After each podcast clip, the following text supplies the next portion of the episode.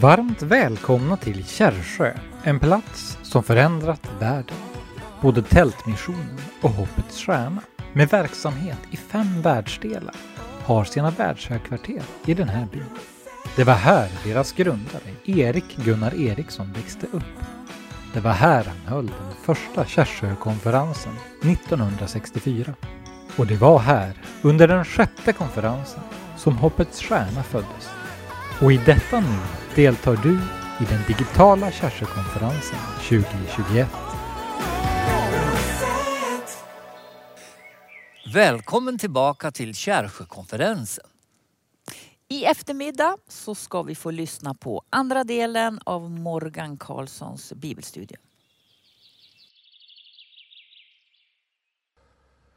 Det känns jätteroligt för mig att få vara en del av den här äh, konferensen, Kärrsjökonferensen och äh, få en inblick lite grann i detta fantastiska arbete som, som äh, de gör och har gjort i så många, många år. Att få möta Lennart Eriksson och Ulrika och hela teamet har varit en stor förmån. Och man bara känner att det här andas det hopp och tro och framtidsvision. Och jag är så glad över att få fått höra eh, eh, deras hjärtan och fått ta del av allt det här som de står i. Den här konferensen är ju lite annorlunda konferens. För mig personligen så är det första gången jag är här i Kärrsjökonferensen och får dela mitt hjärta. Eh, men eh, det har varit en fantastisk, fantastiska dagar och få, få se det som händer här på den här platsen. Tillsammans med andra predikanter få vara med i den här konferensen och dela Guds ord. Också att få nå ut i hela Sverige på det här sättet via digitala plattformar och TV. Det gör ju inte saken eh, mindre rolig faktiskt. Eh, temat för den här konferensen, det övergripande temat i alla seminarier och även kvällsmöten och så vidare, det är ju evangeliet, den inneboende kraften. Vi tror nämligen det, och jag personligen har sett det i mina 28 år som predikant, jag har rest och förkunnat Guds ord, att Jesus Kristus är på riktigt. Det finns inga lås som den helige Andes kraft inte kan låsa upp. Jag brukar säga ibland, och jag tror att jag gjorde en insändare i en sekulär tidning för något år sedan, eh, där jag skrev att den helige Ande, att evangeliet är nyckeln som passar alla lås. Det finns inga hopplösa fall för Gud. Och ingenting av det som finns i vår historia kan skymma det Gud vill göra i vår framtid. Inte för att vi är så perfekta, inte för att vi har lyckats med allt det vi håller på med naturligtvis. Men på grund av att han älskar oss så mycket. Så att han gav oss sin enfödde son som dog på korset och öppnade upp en ny och levande väg. Det här är ju evangeliets kärna. Och vi tror, och jag tror med hela mitt hjärta, att Sverige behöver mer av Jesus. Sverige behöver återupptäcka kraften i evangeliet. Du vet att Sverige är ett kristet land och vi har nu Eh, bara för några veckor sedan här, några veckor sedan eh, firat eh, Sveriges nationaldag. Och jag minns att när jag vaknade den söndagmorgonen och jag var på en plats och predikade i södra Sverige så blev jag påmind om detta fantastiska kors som finns i vår svenska flagga. Att Sverige är ett kristet land, att det är, det är brännmärkt och det är ett kristet land. Och vårt lands historia är uppbyggt på kristna värderingar och eh, det står till och med faktiskt i Sveriges rikes grundlag, om inte jag missminner mig nu, att Sveriges regent eh, ska ha en kristen luthersk tro och uppfostra sina, sin familj och sina barn i, krist, i kristen lära och vandel, står det. Det betyder att Sverige är enligt svensk rikes grundlag ett kristet land. Och jag ber ofta, och tänkte på det under nationaldagen, att eh, vi ska fortsätta be att evangeliets kraft ska få beröra vårt land.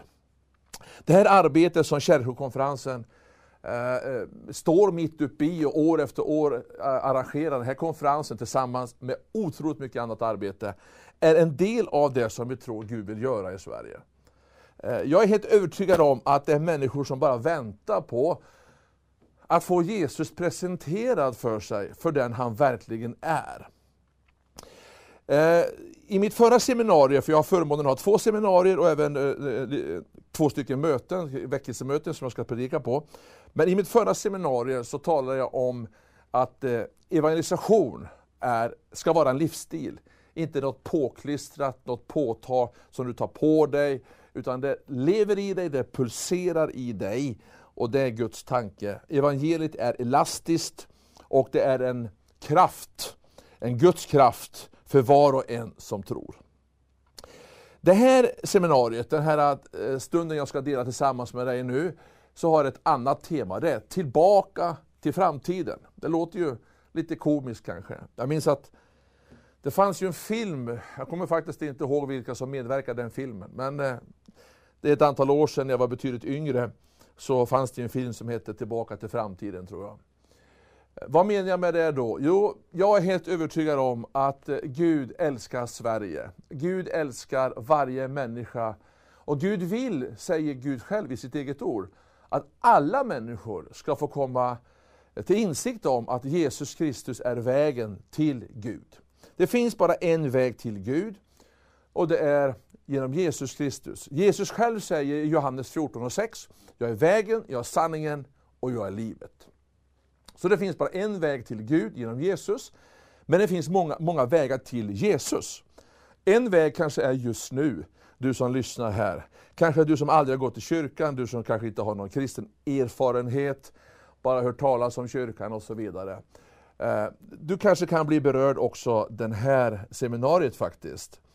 För eh, jag har idag känt att jag vill dela mitt hjärta eh, utifrån det temat, tillbaka till framtiden. Tillbaka till framtiden. Gud vill att du ska förstå att det här Gud en gång gjorde, det gäller idag. Och om din framtid ska bli eh, det som Gud har tänkt, för Gud har goda planer för dig. Både i gamla och nya testamentet så ser vi ett genomgående röd tråd att Gud han älskar dig, han har en plan för dig, han bryr sig om dig, han vet det du går igenom. Och utan att jag kan sätta mig in i allt det som alla människor går igenom naturligtvis, så vet jag att allt det jag har gått igenom, det mina nära och kära har gått igenom, av sjukdom, och smärta, bekymmer, utmaningar på livets område, så kan man som troende på Jesus säga att utan Gud så skulle det vara outhärdligt, eh, obeskrivligt tuffare att gå igenom det. Men tron på Gud, tron på evangeliets kraft, bär mig igenom det jag går igenom. För det är faktiskt så att vi är människor och vi lever alla under samma förutsättningar. Och vi lever i den här världen men, eh, och vi drabbas av olika saker. Men vi har en Gud som älskar oss och vill bära oss igenom. Och även som jag sa i mitt tidigare seminarium så vet vi att i Jesus, i evangeliet, så finns det helande, befrielse och frälsning för var och en som tror.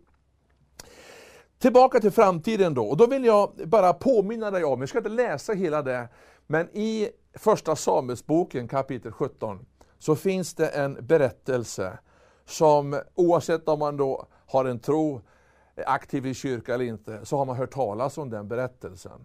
Och det är nämligen om David och Goliat. David och Goliat, denna berättelse som jag, jag fascineras av den för att eh, det finns så mycket i den berättelsen som man kan applicera in i mitt liv, kanske ditt liv, och i våra familjer och kanske faktiskt som, som nation. Men i den berättelsen i Första Samuelsboken 17, eh, när eh, Bibeln beskriver denna unge man David, kanske 16-17 år, som eh, vallar fåren. Ett, inte, inget speciellt häftigt arbete på den tiden heller. Eh, men eh, där ute när han går i sin ensamhet så eh, är det som att han får tag i Gud på riktigt, på djupet. Och där ute så hamras det fram en karaktär i hans hjärta och en, en tro som verkligen går djupare än bara munnens, läpparnas bekännelse, utan det har ramlat ner i hans hjärta. Och det fanns en övertygelse i hans hjärta. Lite längre bort så fanns den här Goliat, denna fruktansvärt stora, fysiskt stora man. Goliat som var över tre meter lång. Som hade en utrustning och han såg ut som en vandrande container i princip. En, en krigsman. Och Israels folk de har stått och lyssnat på den här Goliat i 40 dagar. Och den här Goliat, han har sagt en massa otrevligheter, han har förbannat hela folket. Han har injagat skräck i folket och de är helt paralyserade. Eh, lite så där kan vi känna som människor, att vi kommer i lägen när vi känner oss paralyserade, vi känner oss tillbakadragna, vi känner oss låsta, vi känner att vi är i en situation när vi inte vet hur vi ska agera. För det är så mycket i livet som möter oss. Den här texten med David och Goliat kan man applicera in i våra liv på en rad olika sätt. Och det finns så mycket, som predikant så är det en guldgruva tycker jag, där man kan dra paralleller in i Nya Testamentet och så vidare. Men jag vill bara stanna inför detta att du som kan berättelsen, och jag tror att de flesta av oss vet den berättelsen. Många av oss har gått i söndagsskolan och många av de som idag inte går i kyrkan har ännu gått i söndagsskolan. Och när man hörde talas om den här berättelsen, en fantastisk berättelse, så vet vi att eh, Davids pappa Isai, han eh, säger till David att han ska springa iväg bort till, till sina bröder, för hans stora bröder var med och fightades mot Goliat. Och eh, han gör som pappa säger, eh, och han tar med sig lite mat för att kolla eh, hur läget är och liksom se till att de är vid liv och sådär. Och eh, han kommer fram där eh, bland sina bröder, sitt folk, och precis när han kommer fram där så har Goliat återigen stått. Han har stått i 40 dagar och han har eh, förbannat folket och de är skräckslagna. Så kommer David in där. David som är ung, han har inte varit med i striden, han har inte liksom eh, känt det de känner. Folket är paralyserat, de är skräck, de är i skräck, de är helt apatiska. Men David kommer in med, med mod, han kommer in med, med någon slags eh, frimodighet som jag tycker är helt fantastisk. Därför han var inte fångad av stundens allvar på det sättet. Därför att där ute i sin ensamhet så hade Gud hamrat ut någonting i hans hjärta. Och eh, det står att David då, han plockar upp fem stenar, de här klassiska stenarna som han plockar i bäcken och som han eh, ska använda då i striden mot Goliat. Han har en, en, en slangbälla och så har han en liten lädersäck och så lägger han ner fem stenar i den här läderpåsen. Och så eh, konfronterar han eh, Goliat faktiskt på ett ganska oväntat sätt. Och Det finns så mycket vi skulle kunna säga ur den här texten om självförtroende, självkänsla, eh, tro på Gud, frimodighet och, och, och så vidare. Men jag idag, tillsammans med dig, skulle vilja sätta namn på de här fem stenarna. Fem stenar som symboliserar nycklar för att fälla det som reser sig upp framför dig. Som symboliserar och är en bild på vad evangeliet är fyllt av. För att om vi ska tillbaka till framtiden, det vill säga vi måste, måste kapitulera inför det faktum att allt det som Gud kommer att göra nu och i framtiden har han redan gjort. Eftersom i Guds ord i Gamla Testamentet så står det faktiskt att Gud kallar på historien. Han kallar på det som har varit. För att det som är, har varit ska kunna bli till, så måste vi fånga Gud i nuet. Och förstå att han är allsmäktig. Och evangeliet för oss alltid tillbaka till nollpunkten. Nollpunkten i det här sammanhanget det är evangeliets kraft, evangeliets kärna. Och för att jag i mitt, mitt uppdrag som predikant ska orka fortsätta predika, om jag ska kunna gå in i framtiden, så måste jag alltid vända tillbaka eh, eh till kärnan. Jag måste vända tillbaka till Gud själv, evangeliets kärna.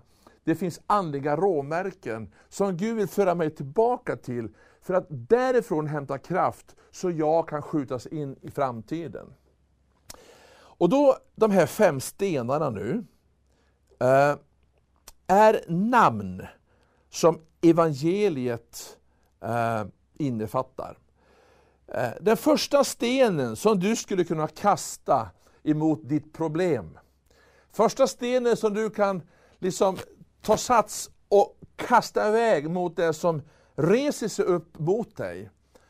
Det, är, och det här är väldigt basic idag, jag säger. Det är otroligt basic. De här fem punkterna är otroligt grundläggande.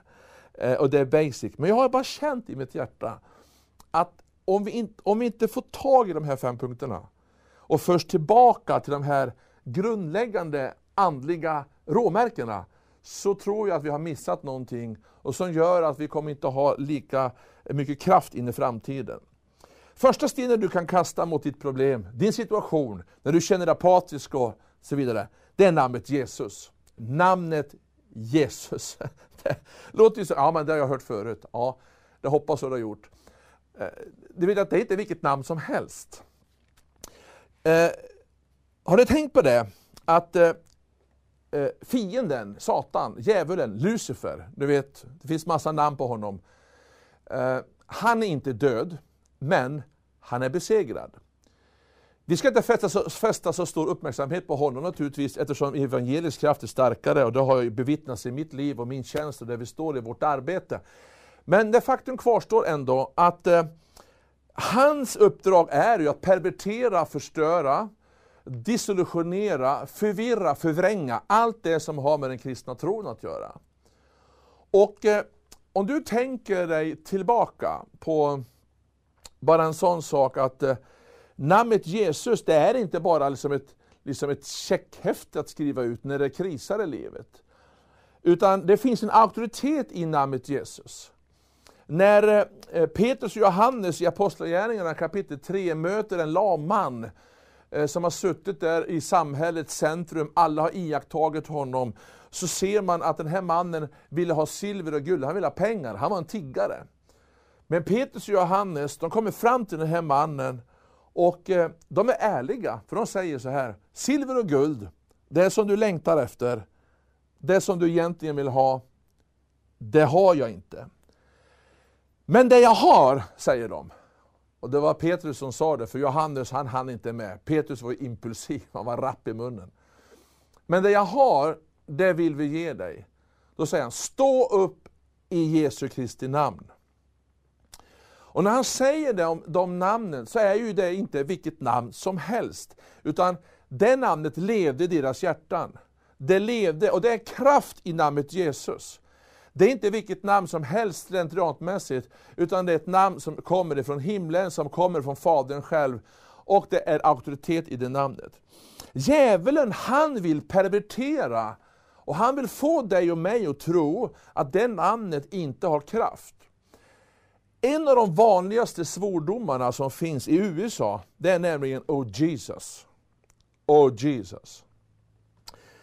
Eh, så djävulen försöker, precis som korset, som för 25-30 år sedan, om någon hade korset på sig som ett halsband, då visste man att den personen var troligtvis en bekännande kristen och hade en personlig tro på Jesus. När man ser någon idag som har ett kors på sig, så är man inte alls lika säker, eftersom djävulen har försökt att stjäla den symbolen ifrån de kristna. Och det är likadant med namnet Jesus. Att vi måste försöka förstå att i det namnet så är det en våldsam kraft. Och i det namnet så kan du kasta det, det namnet kan du kasta i ansiktet på djävulen, på dina omständigheter som binder dig. Därför att det är auktoritet i namnet Jesus. Och jag vill bara läsa faktiskt det som står i Apostlagärningarna kapitel 3, så ska du få höra, du ska få suga åt dig detta. Det står nämligen i vers 16. Och nu har den här mannen, som Petrus och Johannes, eh, när, när de möter den här mannen så har miraklet nu skett. Han har stått upp. Och då säger Petrus och fortsätter så här, och lyssna väldigt noga nu.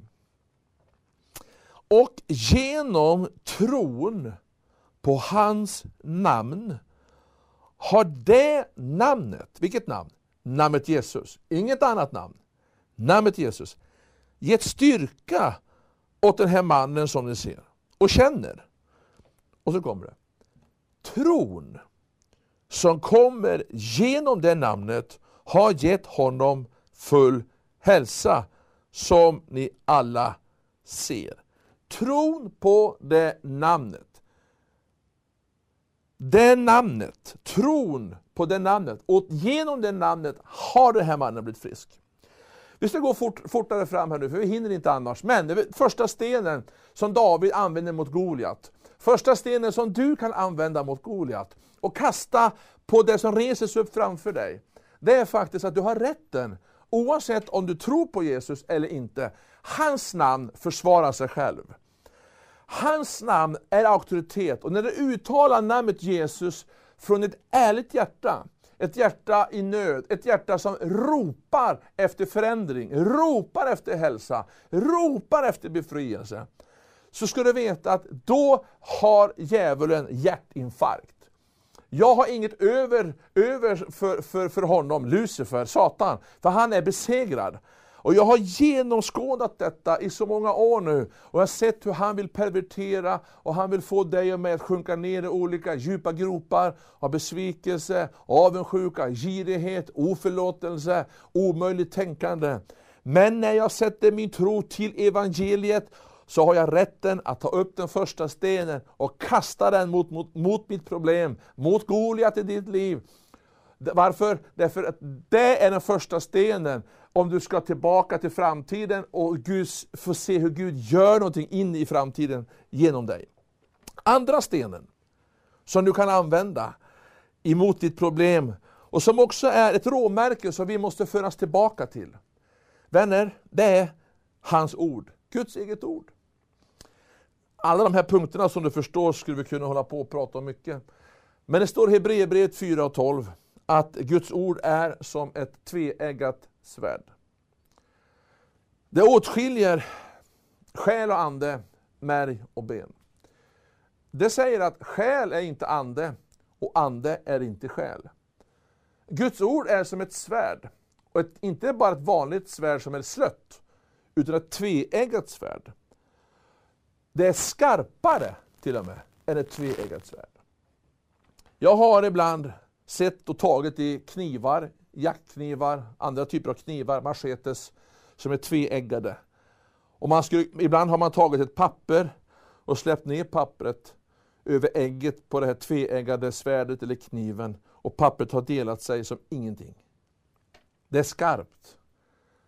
Men då säger Bibeln att hans ord är skarpare än ett tveeggat svärd.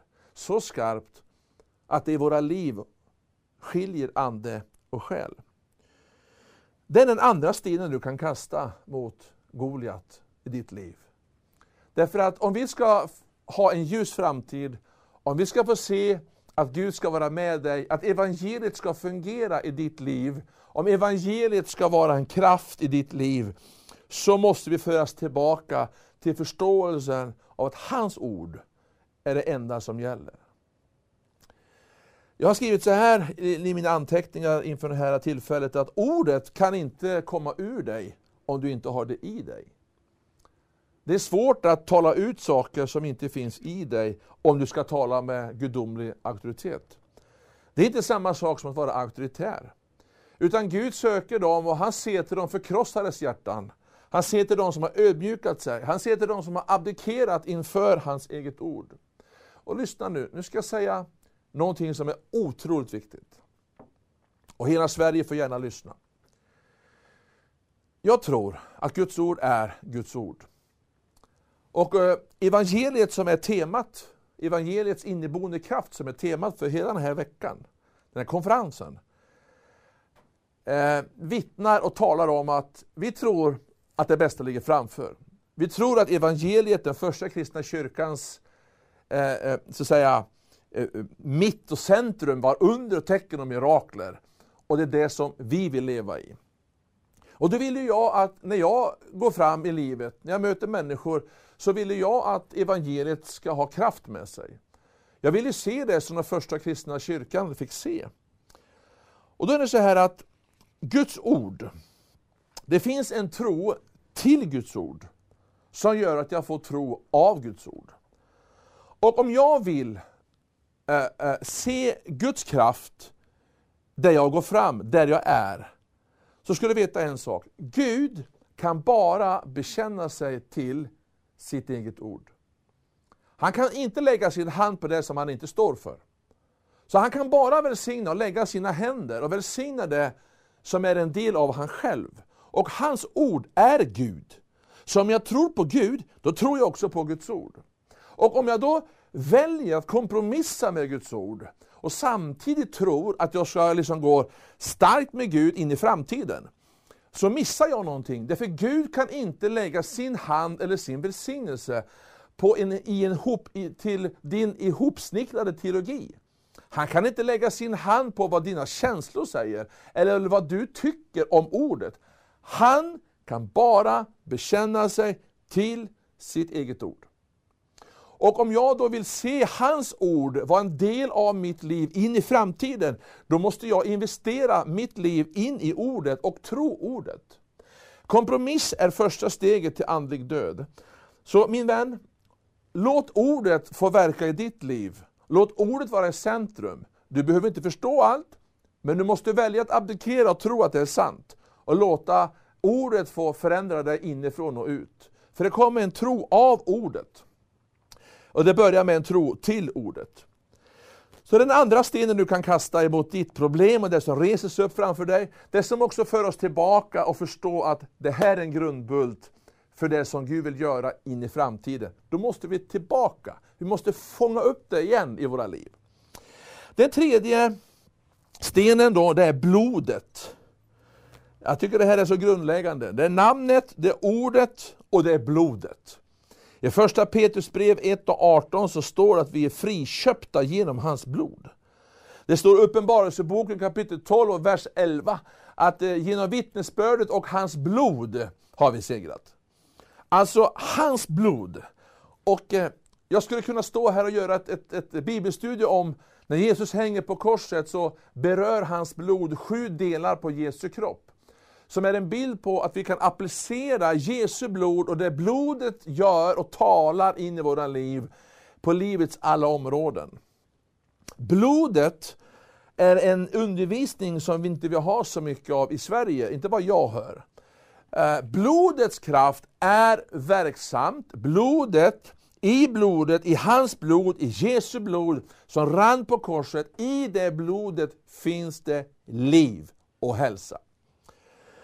Jag vet ibland, jag rest i andra länder och mött eh, eh, pastorer, vänner till mig, som, och det, det, är så härligt för man känner det, ibland så möter man de här som, som har samma vokabulär, som har samma syn på vissa saker som kanske inte är självklart eh, för alla. Eh, och man hör människor som ber om att Jesu blod ska beröra dem. Att Jesu blod ska skölja över dem. Det låter ju blodigt. Men eh, det betyder att Jesu blod, det Jesus gjorde på korset, Eh, att vi är friköpta genom det han gjorde. Blodet är en väldigt central plats. Så när djävulen kommer och påminner dig om din historia, då kan du påminna honom om hans framtid. Och säga till honom att genom Jesu blod så är jag friköpt. Han har förlåtit all min synd, all min skuld, all min skam och jag är fri. Och då tackar du Gud för blodet som Jesus utgöt på korset. Låter det gammaldags? Ja, kanske det. Det är cirka 2000 år gammalt.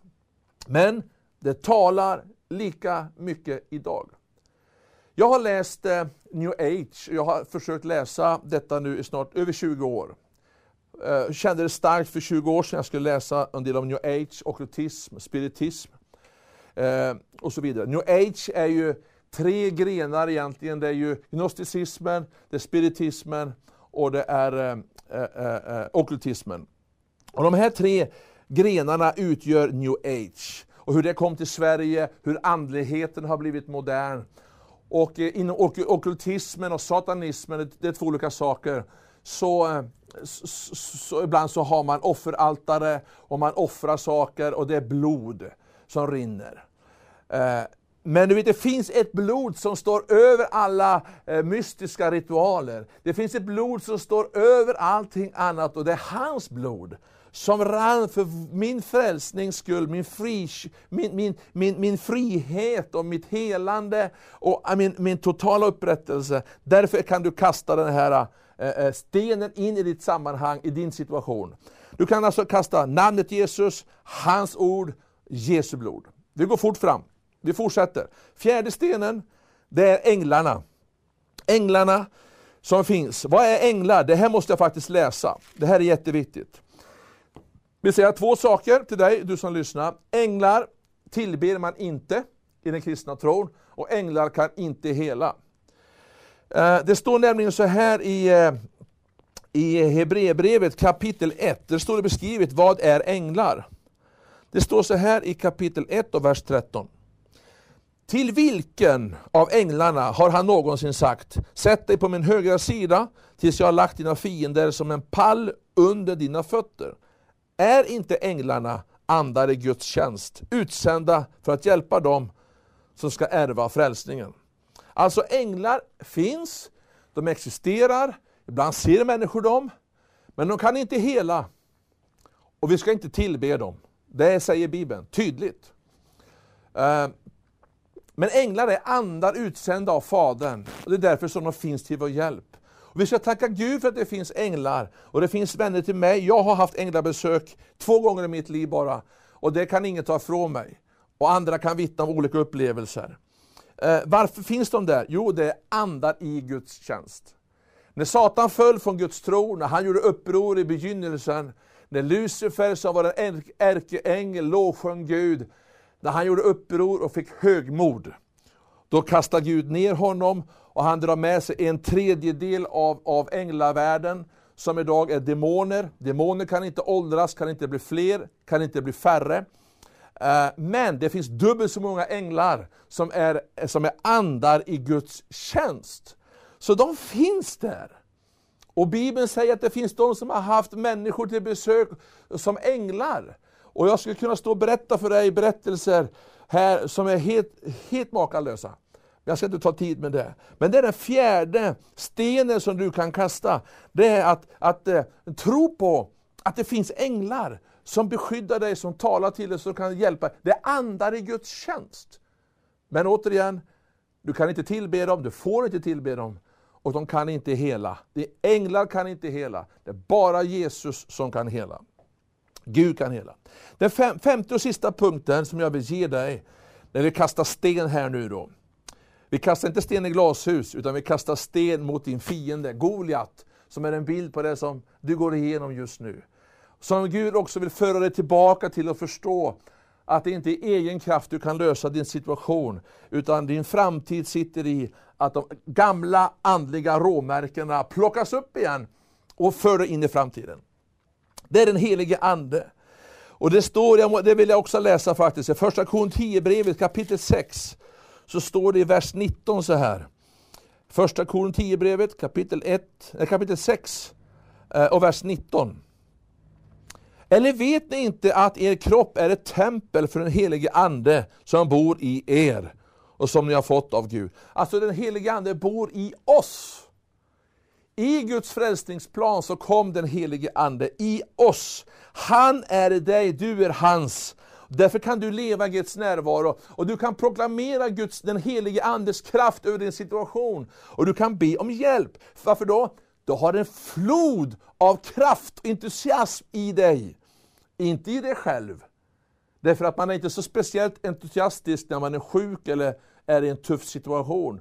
Men i ditt inre är det som en flod. Det är en källa av kraft. En källa av liv som bara flyter fram. Och mitt i situationen så kan du ändå proklamera genom den helige Ande de andra fyra stenarna. Du kan i den helige Ande tacka hjälparen, den tredje personen i gudomen, att du har rätten att använda Jesu namn. Den helige Ande målar en bild av vem Jesus är. Och en stor Jesus, då har man en stor tro. Och då kastar man den här stenen i din situation. Den helige Ande påminner dig om Guds ord. Att det är ofelbart, att det är, att det är kraft i Guds ord. Att du faktiskt kan få se Guds, vad ordet är fyllt av i ditt eget liv, om du investerar in i ordet. För det enda som Gud kan lägga sin hand på är ordet, och Gud är ordet, och ordet är Gud. Och du är i Gud, alltså kan ordet följa dig. Amen. Och den helige Ande uppenbarar och visar dig på blodet att det är en våldsam kraft i ditt liv. Och det sista är att den helige Ande också eh, låter dig förstå att änglarna finns. Och att de hjälper dig. Nu min vän vill jag bara säga till dig att de här enkla stenarna, säg inte att det kommer att bli lätt. Men du måste pröva det här. Jag vill uppmana dig att om evangeliet ska bli en, en kraft till frälsning, Om vi ska få se ett förvandlat Sverige, så vill den här konferensen som jag är en del av proklamera det ut över hela Sverige, att Jesus är på riktigt. Du har rätt att använda hans namn. Du har rätt att proklamera ordet och kasta den stenen, bildligt talat, in i din situation. Att du kan kalla på blodet, tacka Gud för blodet, vad han gjorde på korset. Tacka Gud för änglarna som finns där. Och den helige Ande, som är tredje personen i gudomen, bor i dig. Så du min vän som lyssnar, låt de här fem stenarna föra dig tillbaka till grunderna i den kristna tron. Det är det här det handlar om. Det finns en varudeklaration som säger att detta ska den kristna tron vara fylld av. Så jag vill uppmana dig och uppmuntra dig, och vi ska strax be nu, att eh, det här får bli verklighet i ditt liv. Använd de här stenarna. Kasta inte med vrede, kasta med kärlek, i tron på att det handlar inte om dig. Du kan ingenting göra. Men om du får tro för namnet Jesus, hans ord, hans blod. Änglarna finns och beskyddar dig. Och den helige Ande målar en bild av vem Jesus är. Och han är stor. Fader, jag tackar dig för den här stunden. Tackar dig för alla de som lyssnar. Herre, tackar att du är en Gud som bryr dig om oss och älskar oss. Inte för det vi gör i första hand, utan för dem vi är. Och Herre, nu tackar vi dig för att du vill föra oss tillbaka till grunderna i våra egna liv. Till trons grunder. Tackar för de här elementära råmärkena vi har i den kristna tron. Som vårt land är uppbyggt på, Herre. Jag ber i Jesu namn att de som lyssnar, att de bara ska få känna en sån glädje över att de här fem stenarna kan vi få använda i vår situation, när vi känner oss likgiltiga, apatiska, när sjukdom möter oss, bekymmer, relationsproblem. Ja, Herre, du vet allt. Men jag tackar dig för att ditt namn står över allting annat. Jag tackar dig för att ditt namn står över allting annat, Herre.